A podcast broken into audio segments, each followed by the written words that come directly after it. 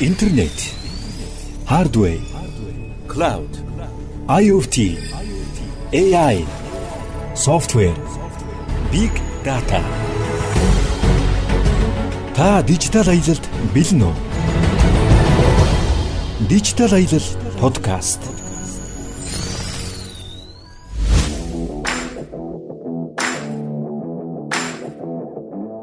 За сайн байцгаана та бүхэнд өнөөдрийн мэндийг хүргэе. Манай Digital Island podcast-ийн ээж дугаар эхлэх бэлэн боллоо. За хөтлөгч Сэнгэл. Дашка нараа. За өнөөдрийн манай зочноор IT Zone компани бизнесийн газрын дарга Төрмөх оролцоор ирсэн байна. Сайн байна уу? За сайн байна уу. Digital Island podcast-ийг танд IT Zone хүргэж байна. За өнөөдөр бид гурав ямар сэдвийн талаар ярилцах вэ гэхээр одоо хүмүүс сервер гэж нэг яриад дид бүтц гэж нэг яриад байгаа шүү дээ тий. Тэгээд энэ хоёрын маань ялгаа нэг юунда байгаа вэ? Энэ талаар. За тэгэхээр ерөнхийдөө бол дид бүтц гэдэг маань бол арай нэг жоохон өргөн ойлголттой байгаа. Тэгэхээр жишээ нь мэдээллийн технологид бол серверийн буюу одоо системийн дид бүтэц эсвэл одоо сүлжээний дид бүтэц гэж ерөнхийдөө бол хоёр том хэсэгт бас хувааж болж байгаа. Тэгэхээр сүлжээний дид үтс гэдэг бол маш ойлгомжтой баг. Манай энэ сонсогчд маань хүмүүст маань бол нэлээд ойлгомжтой болов уу гэж бодож байна. Ямар нэг юм хоорондоо холбогдохын тулд сүлжээний дид бүтц шаардлагатай байдаг. Аа үүнээс гадна системийн дид бүтц буюу дотор нь бол одоо сервер, storage гих мэтлэн компонентуудаас бүрдэж явдаг. Тэгэхээр энэ хоёрын маань үндсэн гол ялгаа бол дид бүтц гэдэг маань бол ерөнхийдөө бол том сэдв. Бүтнээр нь хэлж байгаа тийм Дээр нь ямар нэгэн аппликейшн явах шаардлагатай тэр хэсгийг бол систем гэж байгаа. Сүлжээ бол хоорондоо холболт их зориулттай гэж. За тэгэхээр а ер нь бол ямар нэгэн системийн дид бүтэц болвол дотроо ингээд сервер за мөн storage тэгээд хоорондоо холбогдсон ямар нэгэн одоо сангийн ч юм уу ямар нэгэн сүлжээгээр хоорондоо холбогдох шаардлагатай болдог. Энэ нь яагаад ийм бүтцтэй байна вэ гэхээр ерөнхийдөө энэ дид бүтц маань юунд хэрэгтэй вэ гэж эхлээд бодох хэрэгтэй. Тэгээ бодоод үзэхээр байгаа тухайн байгууллагт маань ямар нэгэн програм хангаж буюу софтвер ажиллахын тулд хардвер байж байгаа. Тэгэхээр хардвер болон софтвер бие энгүүгээрээ бол хин аль аль нь явах боломжгүй тийм ээ. Ямар нэгэн софтвер хардвер дээр явах шаардлагатай. Софтвер маань ажиллахын тулд гурван үндсэн хэсэг хэрэгтэй болж байгаа.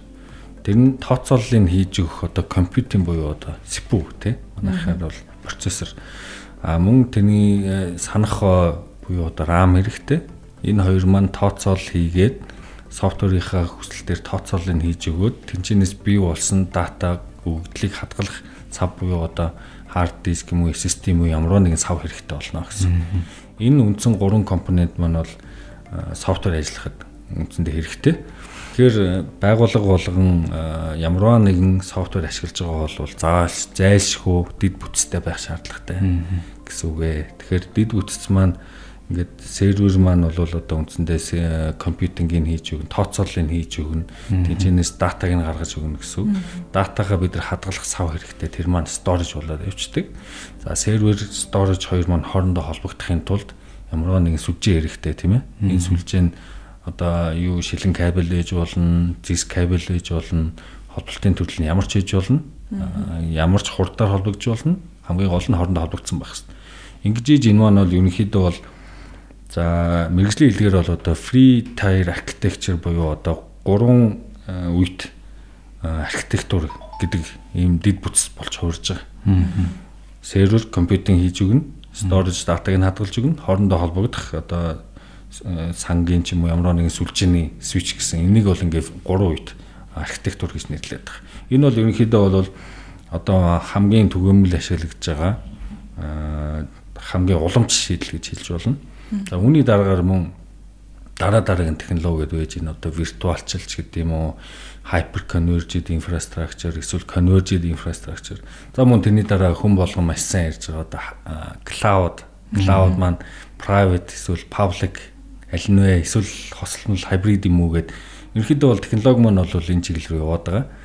Тэгэхээр үндсэндээ бол хамгийн уламжлалтаас нь эхлээд бас ярил хүмүүст сонсогчд маань илүү ойр байх юм болов илүү ойлгомжтой байх юм болов гэж бодлоо л да. Тийм. Яг нэг яг нэг бодо байгуулгын жишээн дээр ч юм уу одоо яг энэ гурван маань яаж ажилтгийг нэг жишээг тайлбарлаад. За тэгээ. За за нэг 20 үнэтэй нэг байгууллага байлаа гэж бодъё л та. За уг байгууллагт маань за ямар ч үйлчилгээ бүтээгдэхүүн зардаг байж болно. Бизнес бол ямар нэгэн үйлчилгээний бүтээгдэхүүн зарах шаардлагатай тийм. Тэгэхээр тухайн байгууллага маань тэр э, үйлчилгээ бүтээгдэхүүнээ зарахын тулд ямар нэгэн хэрвээ софтвер ашиглаж байгаа бол одоо уламжлалтаар бол одоо тэрийг зүгээр нэг цаасан дээр бичээд юм Excel дээр бичээд явдаг болвол тэрийг арай жоохон хурцгаад илүү бизнес нь хурдан ажиллагаатай процессын хувьд найдвартай дараа нь тайлан тооцоо тавих шаардлагатай болж байгаа үүднээс одоо жишээ нь ихэнх байгууллагууд маань санхүүгийн програм ашиглаж байгаа тийм ээ.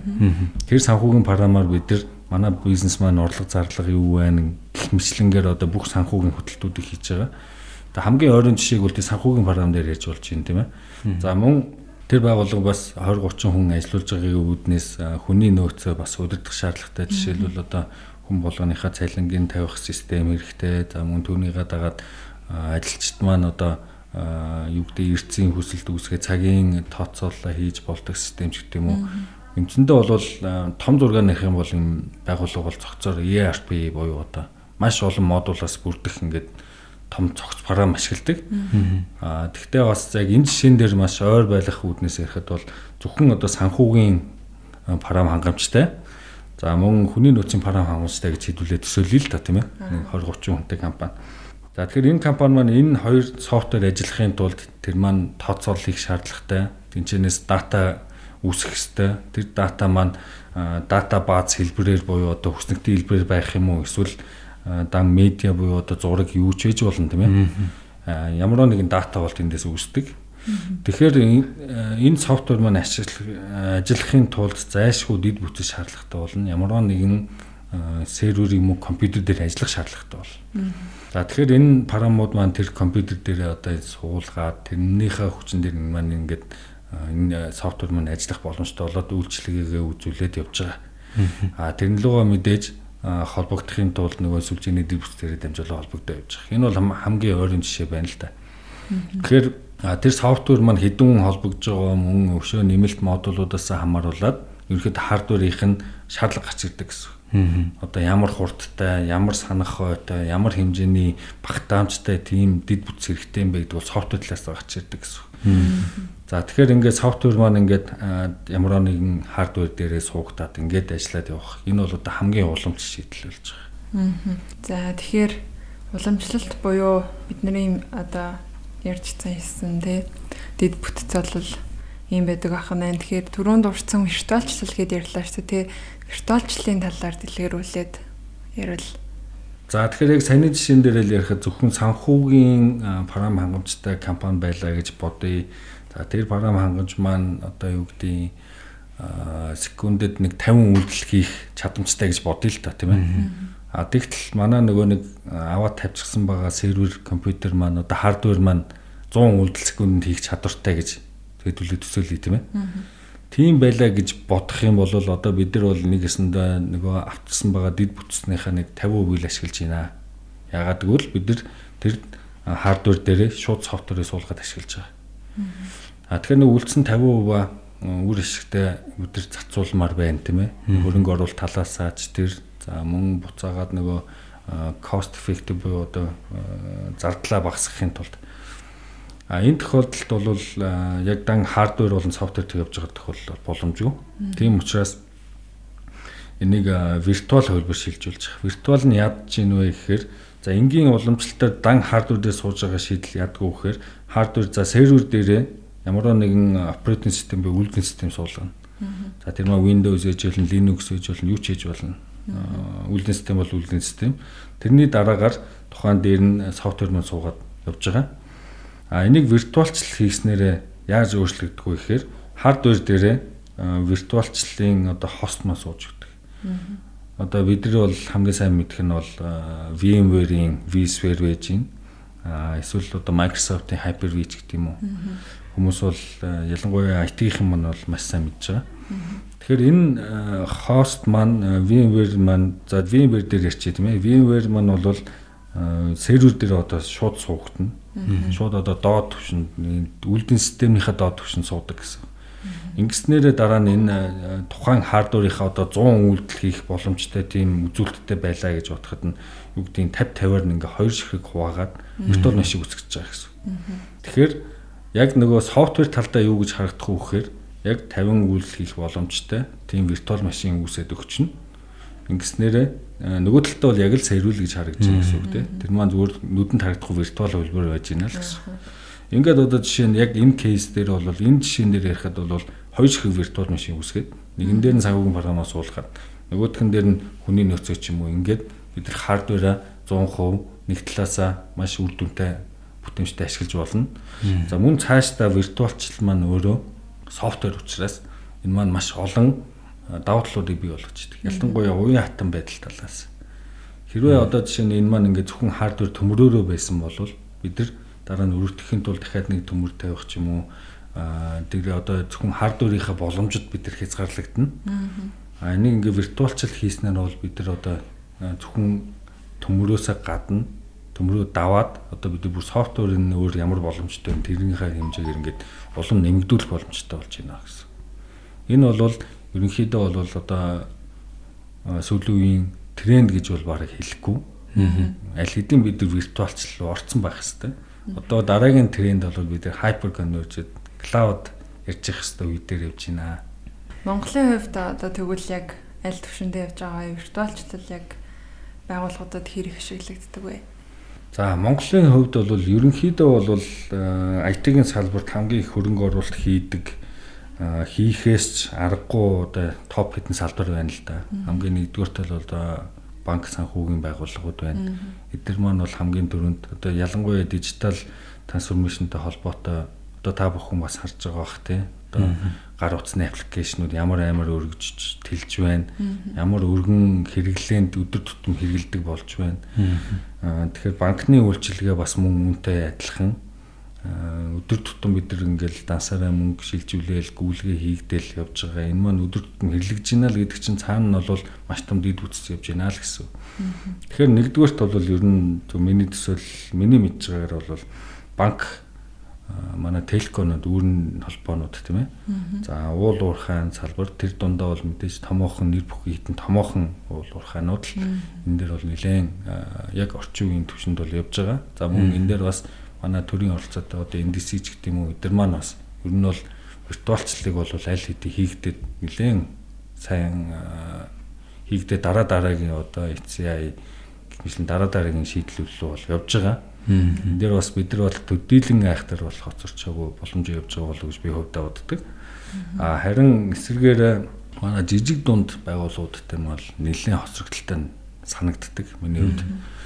Ягаад тэгэхээр ерөөхдөө бол яг ихэнх маань бол ингээ хардверийнхаа боломжтой хязгаарлагдаад мөн дижитал аялал руугаа бас төдийлөн анхаарахгүй байгаа нэг жоохон сүмжлэлтэй тал харагдж идэг. Яг нь нэгдүгürt мэдээж энэ бол санхүүтэй холбоотой байх Хоёрдугаарт бас мөн IT-ийн мэдлэгтэй бас холбоотой байж магадгүй гэж би хөвдө таадаг л да.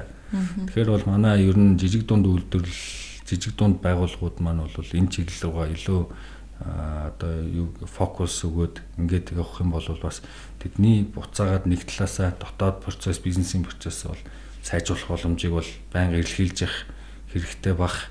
Хоёрдугаарт нь мөн дижитал суурилсан бизнесээ бас чиглүүлээд авахгүй бол одоо ерөнхийдөө бол дижитал трансформацийн чинь гол функц одоо юу гэдэг тодорхойлт нь бол та дижитал трансформашн хий хийхгүй бол тэгээ байрандаа үлдээ нэг тухайн хэлээд байгаа шүү дээ тийм ээ. Өрсөлдөөний нөхцөл байдал ер нь маш олон нөхцөл байдлаас хамаарат дижитал трансформашныг зайлшгүй хийх шаардлагатай болчиход байгаа шүү дээ. Жижиг том гэлтгүүл. Тийм тэгэхээр миний хувьд бол дүгнэлт тиймэрхүү байгаа. Тэгэхээр манай ер нь жижиг дунд байгууллагууд бол энэ чиглэл рүү бас их фокус өгж өгмөр байгаа л харагддаг.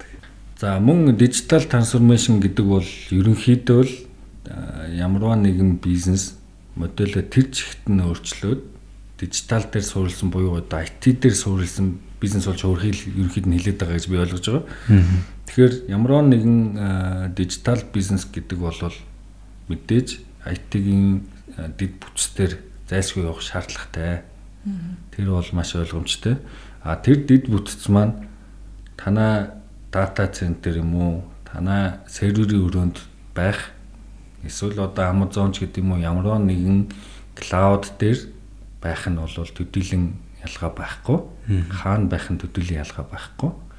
А ялгаа нь юун дээр гардаг вэ гэхээр тухайн ажиллаж байгаа софтверийн бүтцээс хамаардаг. Бүх софтвер бас клауд руу гарах боломжгүй. Тэгэхээр софтверийнхаа бүтцээс хамааруулаад компаниуд маань ялангуяа томоохон байгууллагууд бол микросервис болгоод хамгийн ачаал багтай хамгийн дата бага эзлэгч гэдэг юм уу? Тиймэрхүү софтверуудаа бол дээш нь гаргаж байгаа үйл рүүгээ гаргаж байгаа. Хамгийн их ачаал авдаг хамгийн их дата бий болгож идэг тэр хамгийн одоо нууцлал өндөртэй хэсэгч гэдэг юм уу? Ялангуяа банкны салбарын бол Монголоос тухайн хувь хүний дата гаргахгүй гэдэг хуультай захирагдах үүднээс бас датагийн чинь хадгалж идэг. Тэр нь болохоор ерөнхийдөө бол э, цаашдын бидний зорж байгаа угаасаа очих хөстой цэг маань бол hybrid cloud буюу одоо ингээд хосолмол cloud болж хуурж байгаа. Гэхдээ хосмол cloud гэдэг бол өнөөдөр мөнгөний төлөөд маргааш болчдөг үед бол биш. Энд бол маш удаан одоо journey буюу одоо бидний та бүхний бас нэрлэдэг байгаа тийм ээ. Дижитал аялал гэж нэрлэдэг байгаа. Энэ бол бас тийм учиртай гэж би бодож байгаа. Тэгэхээр энэ бол маш урт хугацаанд буюу тийм аялал хэлбэр явагдах хэвээр хувьцал болов гэж би бас бодож байгаа. Тэгэхээр өнөөдрөөс эхлэхгүй бол одоо хизэнээс эхлэх вэ гэдэг бас асуултыг бас өөртөөсөө асууж үзэх хэрэгтэй болоо гэж би бас бодож байгаа. За тэгэхээр бизнесийн байгууллагууд маань альва нэгэн аппликейшн тэ програм хангамж ажиллуулдаг болол дид бүтцтэй байх шаардлагатай байх нь дид бүтц маань бидний ярьдгаар одоо бит хэлбэртэй байх биш те одоо виртуалчлагдсан эсвэл бүр клауд байдалтай одоо хайбрид хослмол клауд хэлбэртэй хүртэл байж болдог байна. Энэ талаар үн цэнтэй мэдээлэл өгсөн. Танд баярлалаа. За баярлалаа. Дижитал аялал подкаст